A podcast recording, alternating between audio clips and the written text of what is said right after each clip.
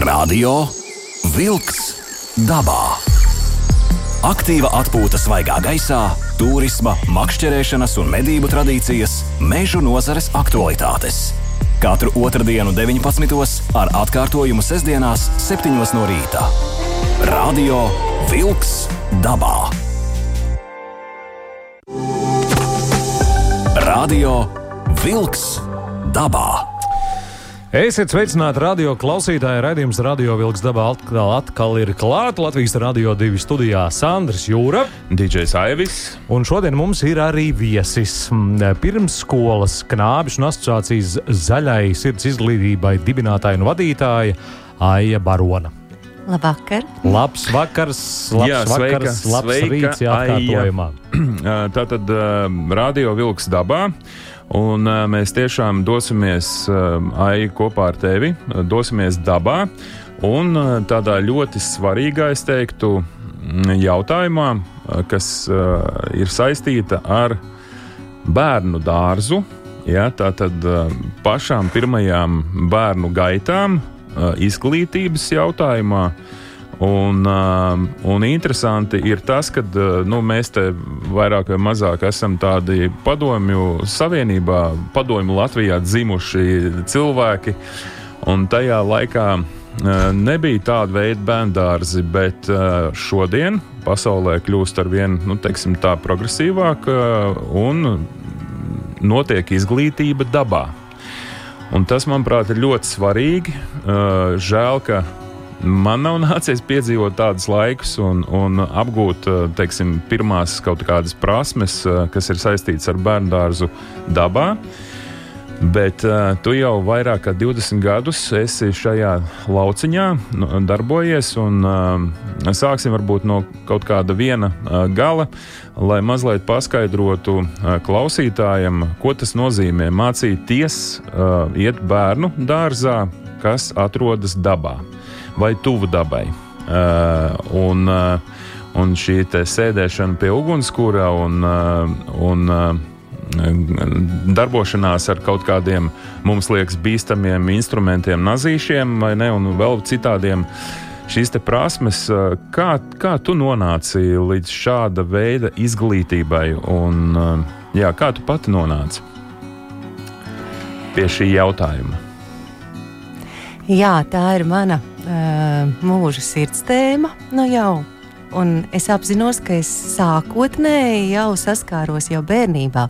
Un es domāju, arī es arī padomu laikos esmu dzīvojusi, augusi. Un, uh, esmu ļoti pateicīga, ka piedzimu ģimenē un vecai mammai, kur man ņēma līdzi pētot amatas upi. Uh, vecā mamma Melānija Vanaga mhm. aprakstījusi arī mm, Sibīrijas stāstu mm, grāmatā. Mm -hmm.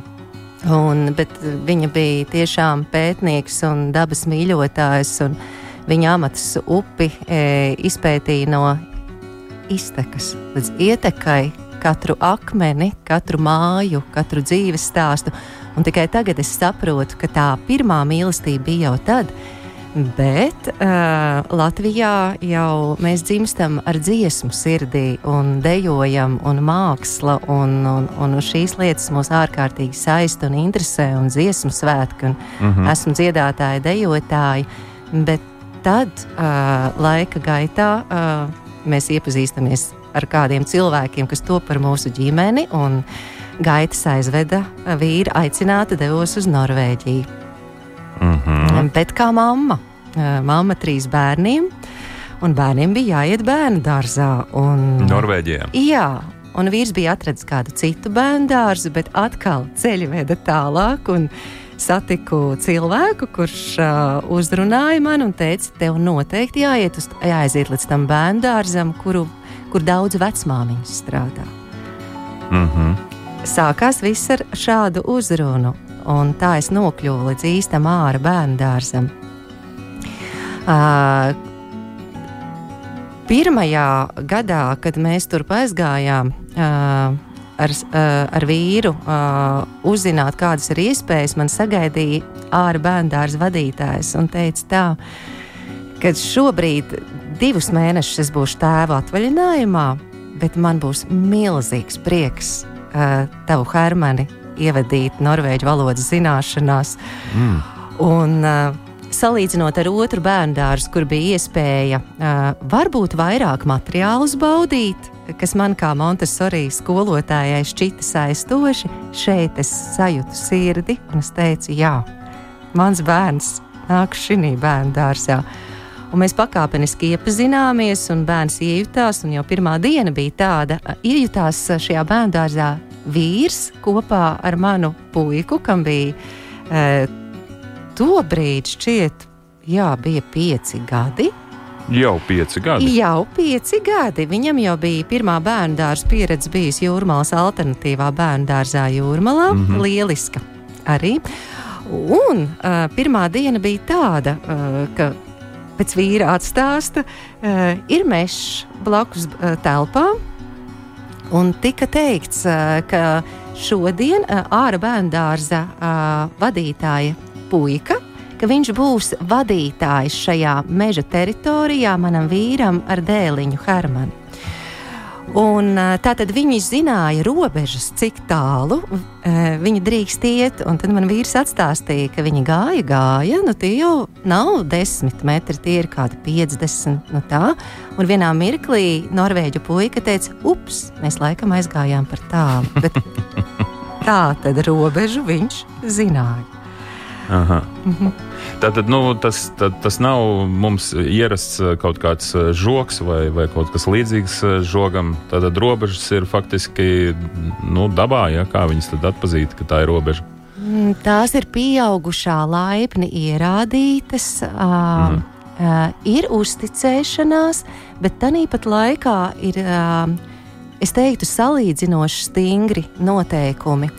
Uh, jo ja šī robeža tiek pārkāpta, tad konsekvences ir. Tad bērnam ir jāuzturas ēkas tuvumā -hmm. kādu la noteiktu laika brīdi. Un, zinat, to neviens no aktīvajiem puišiem un meitenēm neizvēlas. Uh, bet tas ir ļoti interesanti. Aivim arī ir uh, vesela, tā teikt, uh, pilna mašīna ar, ar, ar bērniem. Es arī daudz, daudz bērnu uh, ģimenes vadītājs. Un, eh, un, un tas ir interesanti, eh, kā, kā mēs varētu vispār izskaidrot. Protams, labāk ir vienreiz parādīt, bet nu, rādio tas ir par runāšanu. Mums jāuzbūr šī vīzija, kādā veidā šis bērn, bērndārs funkcionē. Un kas ir tās pamatu, pamatu atšķirības un tās kvalitātes, kuras veidojās ejot bērngārzā? Jo mums bērns ir, nu, kas, nu, tā tad aizvedam mēs to bērnu vai ne, un tad tur ir klasīta grupiņa, un tad ir dienas vidus, jā, ēdienreizes, un vakarā mēs tur piecos, sešos, septiņos, kā kurā vietā.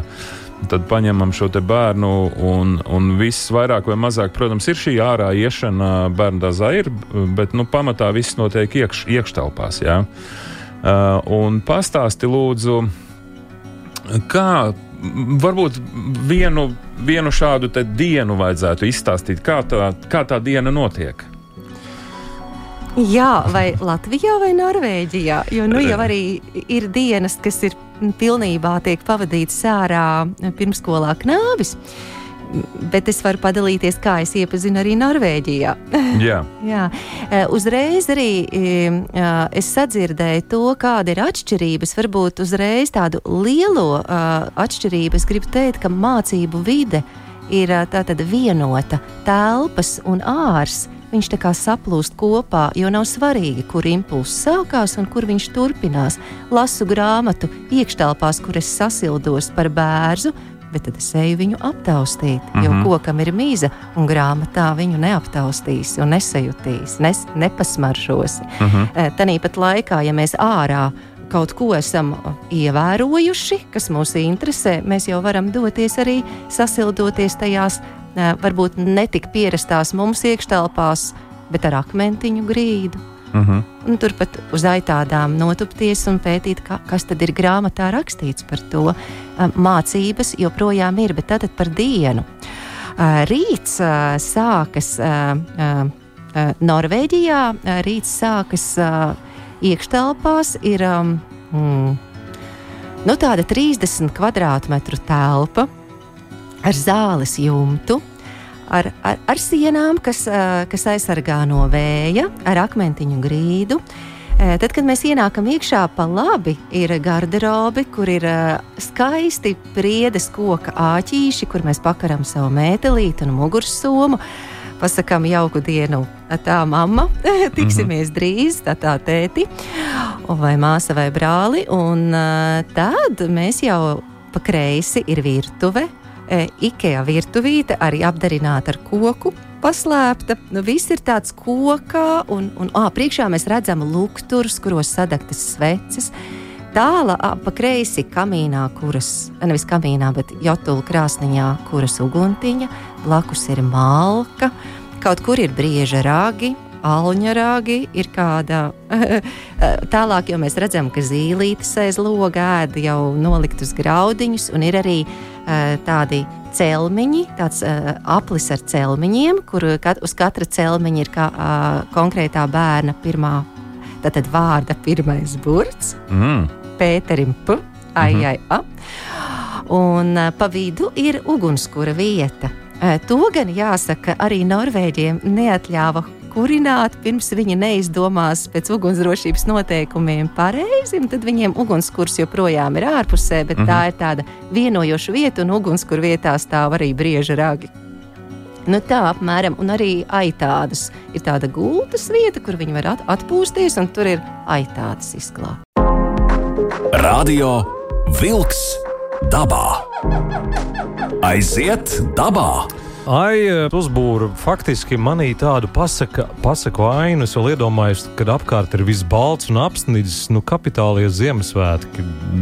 Tagad Latvijas radio ēterā tavā stāstā par šo te Norvēģu bērnu dārzu.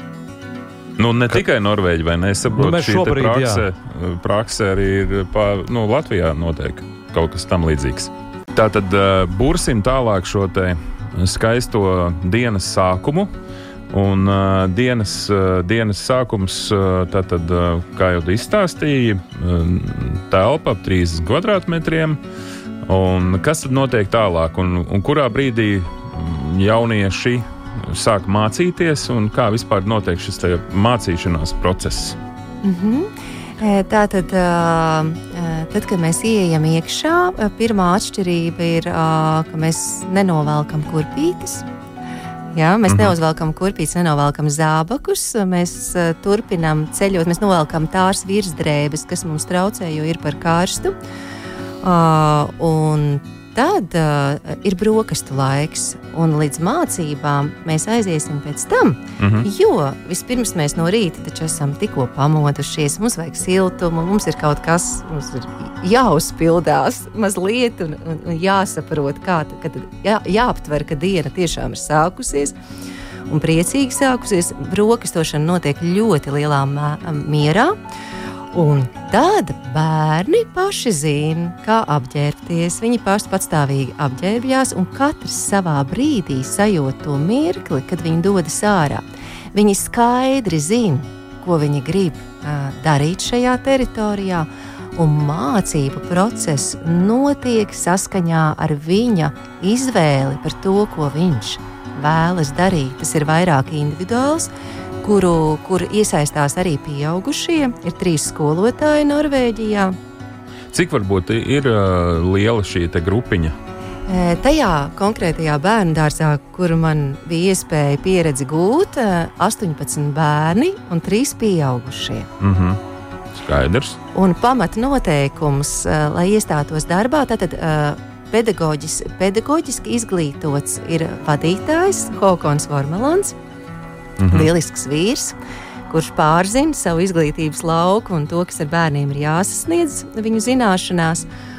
Un vēl uh, vadītāji uzaicināti divi uh, lieliski skolotāji, uh, kuriem nav pedagoģiskā izglītība, bet kuri ļoti labi jūtas ārā un kuri ir gatavi ieinteresēti sekot katram vienam mm -hmm. jaukajam pētniekam. Uh, un ļoti interesants ir stāsts arī, kā uh, Hokons dalījās, kā viņš ir pieņēmis darbā, jo viņš ir meklējis cilvēkus, kas tiešām ir darījuši tādu nopietnu darbu, eh, es varu noraksturot uh, Ose, lielisks pedagogs, kura uh, Osi ir vārds, ja? Os ir vārds, jā.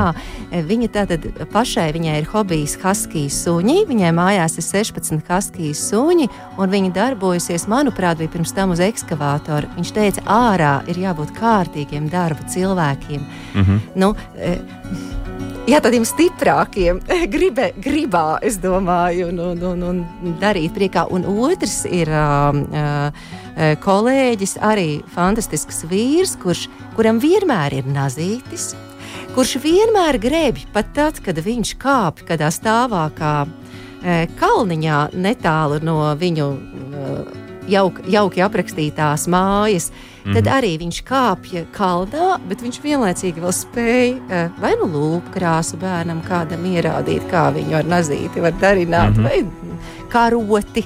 Viņiem top dažna dažādi brīnumi, un, un viņu var redzēt vienmēr pie uguns, kur ar kādiem trim, četriem bērniņiem, kur skaidri zina noteikumus, kā ar nazīti strādāt. Un, un viņi darbojās, un viņiem ir darbmācība, un, un, un, un, un, un nu, pirkstiņi kustās, un sīkā motorika attīstās, un daudz kas cits. Bet, cik es saprotu, pēc, pēc savas būtības eh, neviens nav atcēlis eh, nu, tās nu, tā oficiālās eh, zināšanas, kuras, kuras iet roku rokā, saprotu, ar šo apmācību. Tādā vai citādā veidā viņi nu, sasniedzot šo vecumu, cik tas ir 6, 7 gadi, ja, kad sāk iet skolā jau. Sešos gados Norvēģijā sāk viņi tiešām sasniedz, un, un kā Hokons saka, neviens nav aizliedzis rakstīt sniegā. Nevien, ir, mums jau arī ir ļoti dažādas mācību metodes, un ir alternatīvās pedagoģijas, ir dažādas pieejas. Es teiktu, tur nav kāda konkrēta. Šobrīd viņi, pateicoties tam laikam, kad es tur biju un man uzaicināja ievadīt Montesori metodikā, viņi apgūst arī šo metodiku, bet viņi strādā ļoti radoši, integrējot dažne dažādas metodes. Mhm. Un, un par to tiek domāts gan aplīšos, tieši tāpat, tikai tas ir daudz brīvāk. Un, ja bērns ir izvēlējies, piemēram, celt Leonardo da, Leonardo da Vinci principa tiltu, tad šis tilts tiek aprakstīts, un, un, un šis vārds tiek izpētīts, un viņš tiek izlasīts, un tad tilts tiek uzcelts. Mhm. Katra ideja, un arī tas mani fascinēja, kad ja arī pieaugušam, kā skolotājam, ir kādi sapņi kaut ko uzbūvēt, viņš to dara kopā ar bērniem. Viņš mācās, bērni mm -hmm. mācās, viņš mācās. Mācīties prieks, uh, tur ir ārkārtīgi daudz dažādas šķautnes, kas tur pavarās kā iespējas. Un pēc tam vide uh, ārā ir ārkārtīgi mainīga. Uh, telpā mums ir jāieliek milzīgas pūles, lai, lai mēs telpu o, izmainītu, lai tā kļūst man interesanta, bērnam Mhm. interesanta. Mm -hmm. Dabā vai ir vienādi laika apstākļi? Šodien plānoju runāt par sniegu, bet ir sarma. Rīt runāšu, gribu runāt par sauli, bet ir lietus, un tad ūdens ir par velti. Un mēram, lejam, mm -hmm. traukos, pildam un pētam, kas notiek.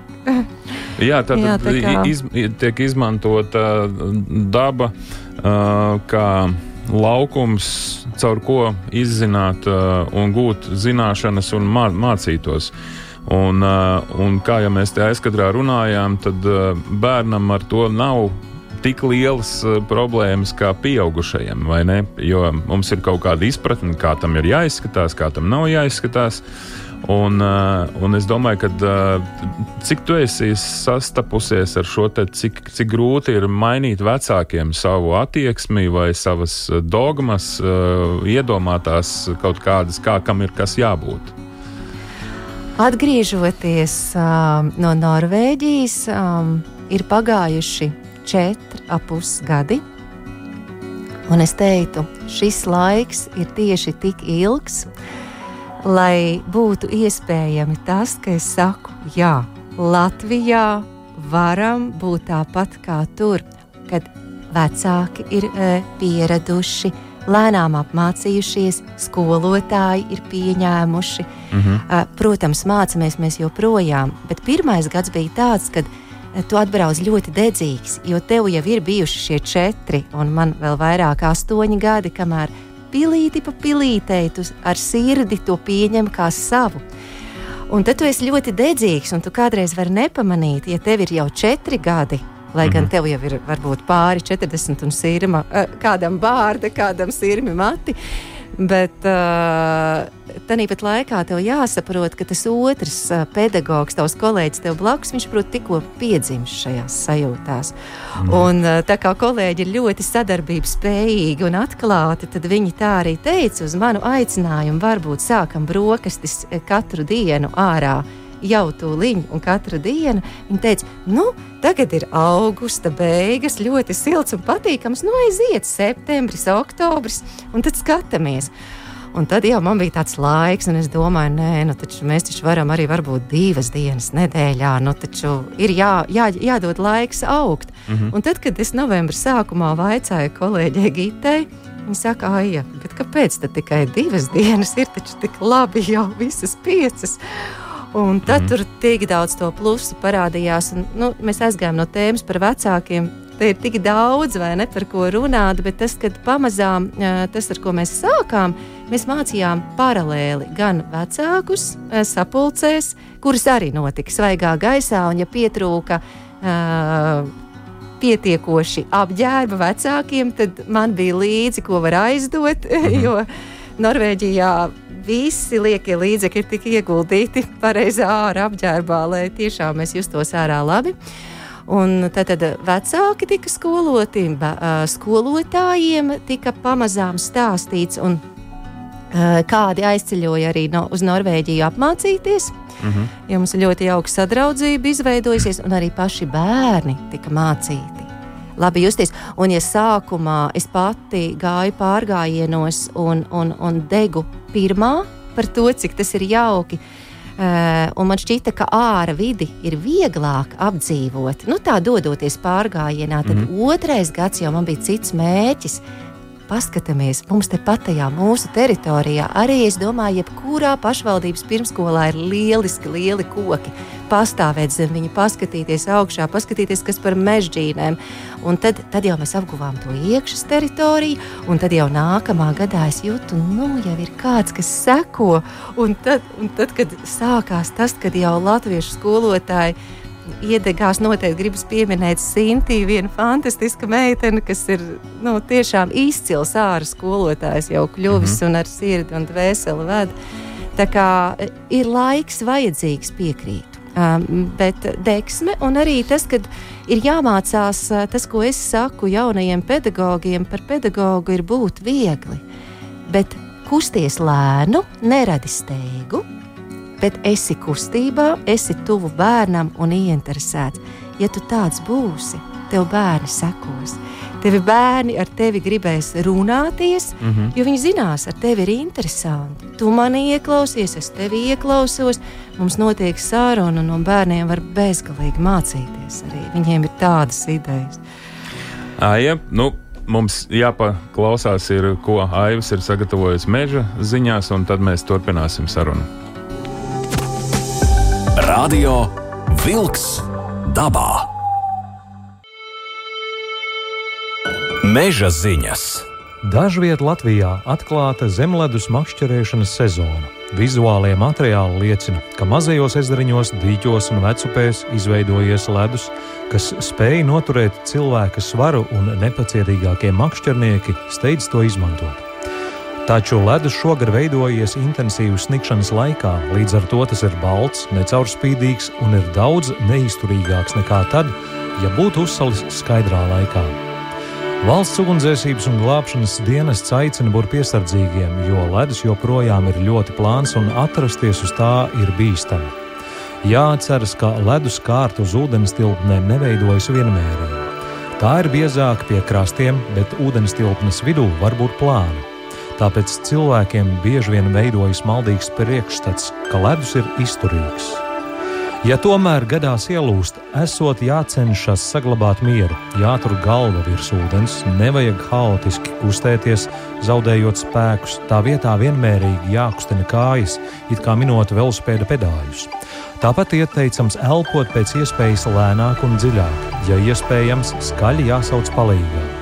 Ja līdzi ir soma vai smags mētelis, kas velk ielūzušo uz leju, jāmēģina no tiem atbrīvoties.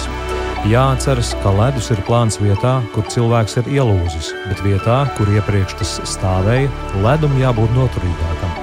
Tādēļ jāpagriežas uz to pusi, no kurienes nākts, jānoliek rokas uz ledus, jāizstiepj tās pēc iespējas tālāk un jāmēģina uzgulties uz ledus malas ar krūtīm un jācenšas izstumt sevi no ūdens. Pēc izkļūšanas uz ledus speciālisti iesaka uzreiz necelties kājās, labāk ripināties prom no bīstamās vietas un rāpot uz krastu pa to pašu ceļu, pa kuru nākts uz ielūšanas vietu. Tiklīdz ir izdevies tikt krastā, nedrīkst apstāties, bet skriešus jādodas uz tuvāko silto vietu. Lai sekmīgi izkļūtu no ledus, ieteicams ņemt līdzi dažādus palīdzekļus, ledus ierbuļus vai āķus, ar kuru palīdzību var ieķerties ledu un tādējādi izvilkt sevi ārā. Labs risinājums ir peldošie kombinizoni, kas spēj noturēt cilvēku virs ūdens vai glābšanas vēsti. Ja ir pamanīts, ka ledū kāds ir ielūzis, jāzvana 112. Dispečeram jānosauc adrese vai jāizskaidro, kā piebraukt pie notikuma vietas un jāatbild uz visiem dispečera jautājumiem. Lai palīdzētu ielūzušajam, jātuvojas rāpus vai guļus, nepietuvojoties vietai, kur cilvēks ielūzis. Apmēram no 2 līdz 5 metru attāluma ielūzušajam jāpamet aukla, sasieti apģērbu gabali, garš koks vai kāds cits priekšmets. Ja glābēji ir vairāk, jāievēro, ka vienam no otra jāatrodas 2 līdz 3 metru attālumā. Valsts ugunsdzēsības un glābšanas dienests un Latvijas Rādio 2 aicina iedzīvotājus būt līdzatbildīgiem, neriskēt ar savu veselību un dzīvību. Tās bija meža ziņas. Radio Wolks dabā. Aiziet dabā! Vienu tur izpētīt. Man visas otro stāvu nes Norvēģijā kukā. Redzi. Un gaidīja pie vārtiņiem. Es To jau mēs klausāmies, to visi klausās. Aija. Vienmēr jau tās interesantākās sarunas ir tad, kad skan dziesma. Bieži vien tā ir. Bet ne šajā gadījumā. Šajā gadījumā ir ļoti interesanti arī klausīties, ka tu jau rādio tiešajā ētrā. Mēs domājam, stāsti. Nu, mums tā sarkanā lampa, kad iedegās mikrofona, ir citā vietā. Kā to visu, kā to visu vienā, vienā stundā izrunāt? Protams, Runāt ir daudz ko, bet mēs eh, nonācām aizkadrā par, par, par to, ka cik ļoti svarīgi ir eh, pareizi apģērbties. Un mēs ar Aivu arī esam eh, nereiz vien runājuši par šo spēšanu pareizi apģērbties, ejot dabā. Un, un kā tu stāstīji, šo te, tā, šīs te zināšanas jau bērni, bērndārza tā- tagad vecumā jau iepazīst uh, gan savu ķermeni, kā, kā viņš uzvedās, jā, kad ir pa karstu, kad ir par augstu, un tā, lai mēs varam komfortabli justies uh, dabā. Un es nereiz vien arī esmu uh, savus draugus, paziņas, uh, centies apģērbt uh, pareizi, uh, lai mēs varētu baudīt dabu, nevis izdzīvot. Ja, kā, kā daudziem liekas, ka dabā baigā izdzīvošana notiek. Īsnībā uh, vienkārši dzīvošana notiek, jāzina, ir uh, nu, kaut kāda likumsakarības. Pastāst lūdzu par, par šo ģērbšanās uh, lietu. Mm, Jā, kā tas notiek realitātē? Laba jušanās ir vajadzīga. Justies labi. Un tikai tad var sākt mācīties, lai labi jūtās vispirms pieaugušais, kas ir ar bērniem, un arī bērni. Mm -hmm. Un lai vecāki to pārzina. Arī lai. Lai nav mm, pirmsskolā bērnu jāpārģērb no rīta. Jo, Jā, mhm, mums ir arī tāds rezerves apģērbs, un mēs tiešām to tā darām. Jo, jo tā laba jušanās ir pati atslēga, lai varētu tālākās visus mērķus realizēt. un labi var justies uh, plus 20 grādos, mīnus 20 grādos, ja tu esi pareizi apģērbies. Tā ir. Jā, arī Tromso bērni jūtas labi mīnus 40. Mm. Ārā, ārā esot. ārā esot. Jā. Uh, kārtu princips mums ir tāds dārzenis, kāposts. Pazīstams. Vai sīpols. Vai sīpols, Jā. jā. varam meklēt vēl. Nu jā, jo uh, arī šodien es pie jums atnācu vairākās plānās kārtās, jo tad vienmēr ir iespēja lieko kārtu novilkt nost. Uh -huh. Un tas, ko Norvēģijā man iemācīja, tas bija atšķirīgi no tā, ko es uh, pratu pirms tam. Ļoti brīnījos, aizbraucot uz Norvēģiju, redzot cilvēkus, man šķita, ka sievietes un vīrieši ir ļoti vāji apģērbušies. Man šķita, ir kaut kas par plānu, man gribējās viņiem palīdzēt ar padomu. bet uh, nevajadzēja, jo izrādās tā pirmā plānā kārta, tā ir Merino vilnas apakšveļa. Latvijā vairāk tā kā mēs tomēr, nu jau mēs esam gudrāki, bet uh, sākotnēji pirms četriem gadiem atgriežoties, tomēr vairāk sporta apakšveļa mums uh, interesē sintētika, jā, un to Norvēģijā vairāk iesaka sportojot, skrienot, kustoties, bet pārgājienos, kur tu tomēr esi mierīgāks, bet kustībā, un kur tev arī jāstāv uz vietas un jābauda sviestmaize. Mm -hmm. uh, tad uh, iesaka merino kārtu un ne uz kokvilnas zeķu biksēm. Eh, kā bērni mēdz apģērbties. Arī šodien viena meitenīte priecīgi paziņoja, ka vispirms ir kokvilnas zeķubiks, un tad ir vilnas apakšveļa kokvilna saldē uz miesas. Uh, vajag uh, tieši miesai pieskarties, vajag tieši merino vilnas apakšveļai. Tā nesaldē, tā nesviedrē, tā ir no īpašas aitu šķirnes vilnas iegūta. Mm -hmm. un arī nekož. Uh, ir, ir bērni, kam pilnīgi viss kož, un tad jau Norvēģi to lietu atrisinājuši, un viņi sāk ražot marīno kopā ar zīda vai bambusa šķiedrām. Mm -hmm. Bet nu, es teiktu, vasaras beigās viss kož. Un, uh, septembra beigās jau merino vairs nekož. Tiešām, un tad ir tā, ka uh, merino uh, tas mūs sasilda mūsu ķermeni, un tad nākamais nāk flīs. Uh, flīsam ir īpašības izolēt to mūsu uzkrāto siltumu, tad mm -hmm. viņš notur. Un ziniet, kas ir uh, nākamā vissvarīgākā kārta?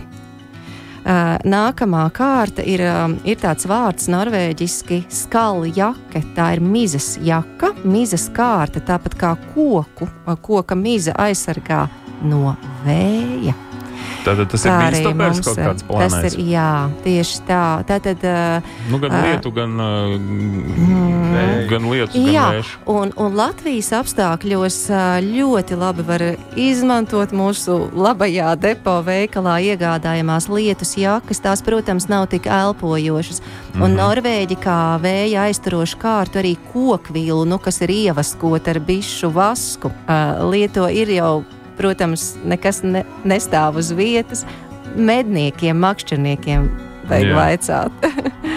un konsultēties. Un tad vēl ir kaut kas silts, kas ir starp šo vēja aizturošo un flīsu. Var arī vilnas, lamas vilnas, džemperi vilkt. Tā arī ārā bērnu dārzā. Šī laikā mans kolēģis arī tā strādā. Ļoti interesanti. Lūk, arī merino, flīs, tad kaut kas sildošs un vēja aizturošs. Jā. Vis, un cik grādos droši var šādi doties? Visādos. Uh, visādos kārtu princips ir arī vasarā. Uh, jautājums, cik bieza tā kārta, cik tev ir apakškārtas, un es teiktu, ir dienas, kad es valkāju divas vil, merino vilnas apakšveļas vienu virs otras, jo es jūtu, ka tik man vajag, un arī mhm. ārā bērndārs vadītājs pagājušajā gadā mācījos mīnus 20 grādos Norvēģijā tieši ģērbties. Un viņš teica, tu neskaties uz mani, tev ir pilnīgi cita fizioloģija. Mm -hmm. Tev ir jāsaprot, tev ir jādara, tev ir jāuzvelk tik kārtas, lai tev nesalstu. Tu pati pēti, atrodi. Un, un galvenais, lai kājas siltas arī dzēna. Kājas, rokas, galva. Jā. Un, mm. un, un, rude, eh, un ziemas cimdi jau rudenī bērniem. Radio Vilks dabā. Aiziet dabā! Dabā, dabā, dabā, dabā. Radio vilks dabā mums uh, tas laiks tā skrien uz priekšu, uh, bet uh, es gribu prasīt tev. Kā, kā mēs varētu, es domāju, ka klaus, klausās mūs noteikti ļoti sakarīgi vecāki, ar iniciatīvu bagāti cilvēki, kuri domā, nu, mēs tā varbūt arī savā pašvaldībā, vai savā rajonā, vai savā pilsētā, vai ciemā arī gribētu kaut kādā veidā uzsākt šādu praksi. Pastāst lūdzu par to likumdošanu un vispār, kādā, kādā šobrīd stāvoklī ir šādas meža skolas. To nāja trīs minūtēs vajadzētu visu. Jā. Labi, nu ir cerīgs stāsts, jo pagājušais gads tika veltīts uh, sadarbībā ar veselības uh, ministriju. Uh, ar ministra Daniela Pauļuta atsaucību. Tātad mēs skatījām iespēju, kā varētu tikt mainīta ministru ka kabinetu noteikumi, uh -huh. kas Lietuvā jau ir radīti tātad īpaši ārā bērngārza atvēršanai, un ir atbilde, ka prioritāšu secībā Mm -hmm. 2022. gads Nākamais. iespējams, ja tiešām viss būs labvēlīgi, varētu iet vēsturē ar to, ka pirmie oficiālie ārā bērngārzi, nu ceram, ka tiks atvērti. Un mm -hmm. tiešām mīļi aicināt visi entu, entuziasti sadoties rokās. Tas ir lieliski gan puišiem, skolotājiem, mm -hmm. gan, gan, gan vīriešiem, gan sievietēm strādāt šādos bērngārzos. Priecīgi tur būt mm -hmm. elpot un īstenot sapņus un, un, un visus mērķus. Mm. Tad, tad ir uh, cerību stariņš nākamo gadu to mm. ierakstīt, uh, tā teikt, iešūt uh, likumā, ka tas viss ir iespējams un, un cilvēki, kas sanāk domu grupu kopā, var vismaz braukt, skatīties un veidot šādu praksi, ka mēs nu, kaut kādu alternatīvu piedāvājam jau esošajiem bērnu dārziem. Jā, un arī jauka ziņa ir tā, ka šogad tika nodibināta asociācija Zaļais sirds izglītībai, un tā tiešām ir tāda brīvprātīga misija pulcināt entuziastus visos izglītības līmeņos, kas brīvdabas pedagoģijā ir ieinteresēti. Pirmsskola sadaļa, sākuma skola, pamatskola, arī augstskola līmenī, ja mums jau ir vajadzīgi pedagogi, kas varētu Nē. labi justies un prastu būt izcili pedagogi tieši uh, brīvā dabā, ārā vidē. Mm. Jā, jo, kā tu teici, īpaši tādiem hiperaktīviem bērniem tas ir ideāls risinājums, tāpēc, ka dabā uh, mēs visi kļūstam mierīgāki skatoties ugunskurā no rīta, sākot ar putnu dziesmām, ja, ja tā ir vasara, pavasaris vai ne. Un, uh, Un to es arī esmu ievērojis pie savas meitas, kad mēs aizbraucām kaut kur pie dabas. Viņa uzreiz, eh, nu, tā teikt, nav nekādas problēmas. Jā, uzreiz atrod savu vietiņu, savu ritmu un, eh, un dzīvo. Tagad es gribu pateikt milzīgi paldies par to darbu, ko tu dari, par to, ka iedvesmo arī, es ceru, citus. Un mēs jau pēc kādiem mm, pāris gadiem varēsim jau runāt jau atkal par kaut kādiem jauniem sasniegumiem. Sakām paldies mūsu šīs reizes viesņai Aijai Baronai, pirmsskolas knābes un asociācijas zaļais sirds izglītībai dibinātājai un vadītājai par interesanto stāstu. Paldies, paldies. Aija! Studijā paldies, bija arī Sandrs Jūra un Digijs Aivis. Uz sadzirdēšanos! Atā. Izskan raidījums Radio Vilks dabā!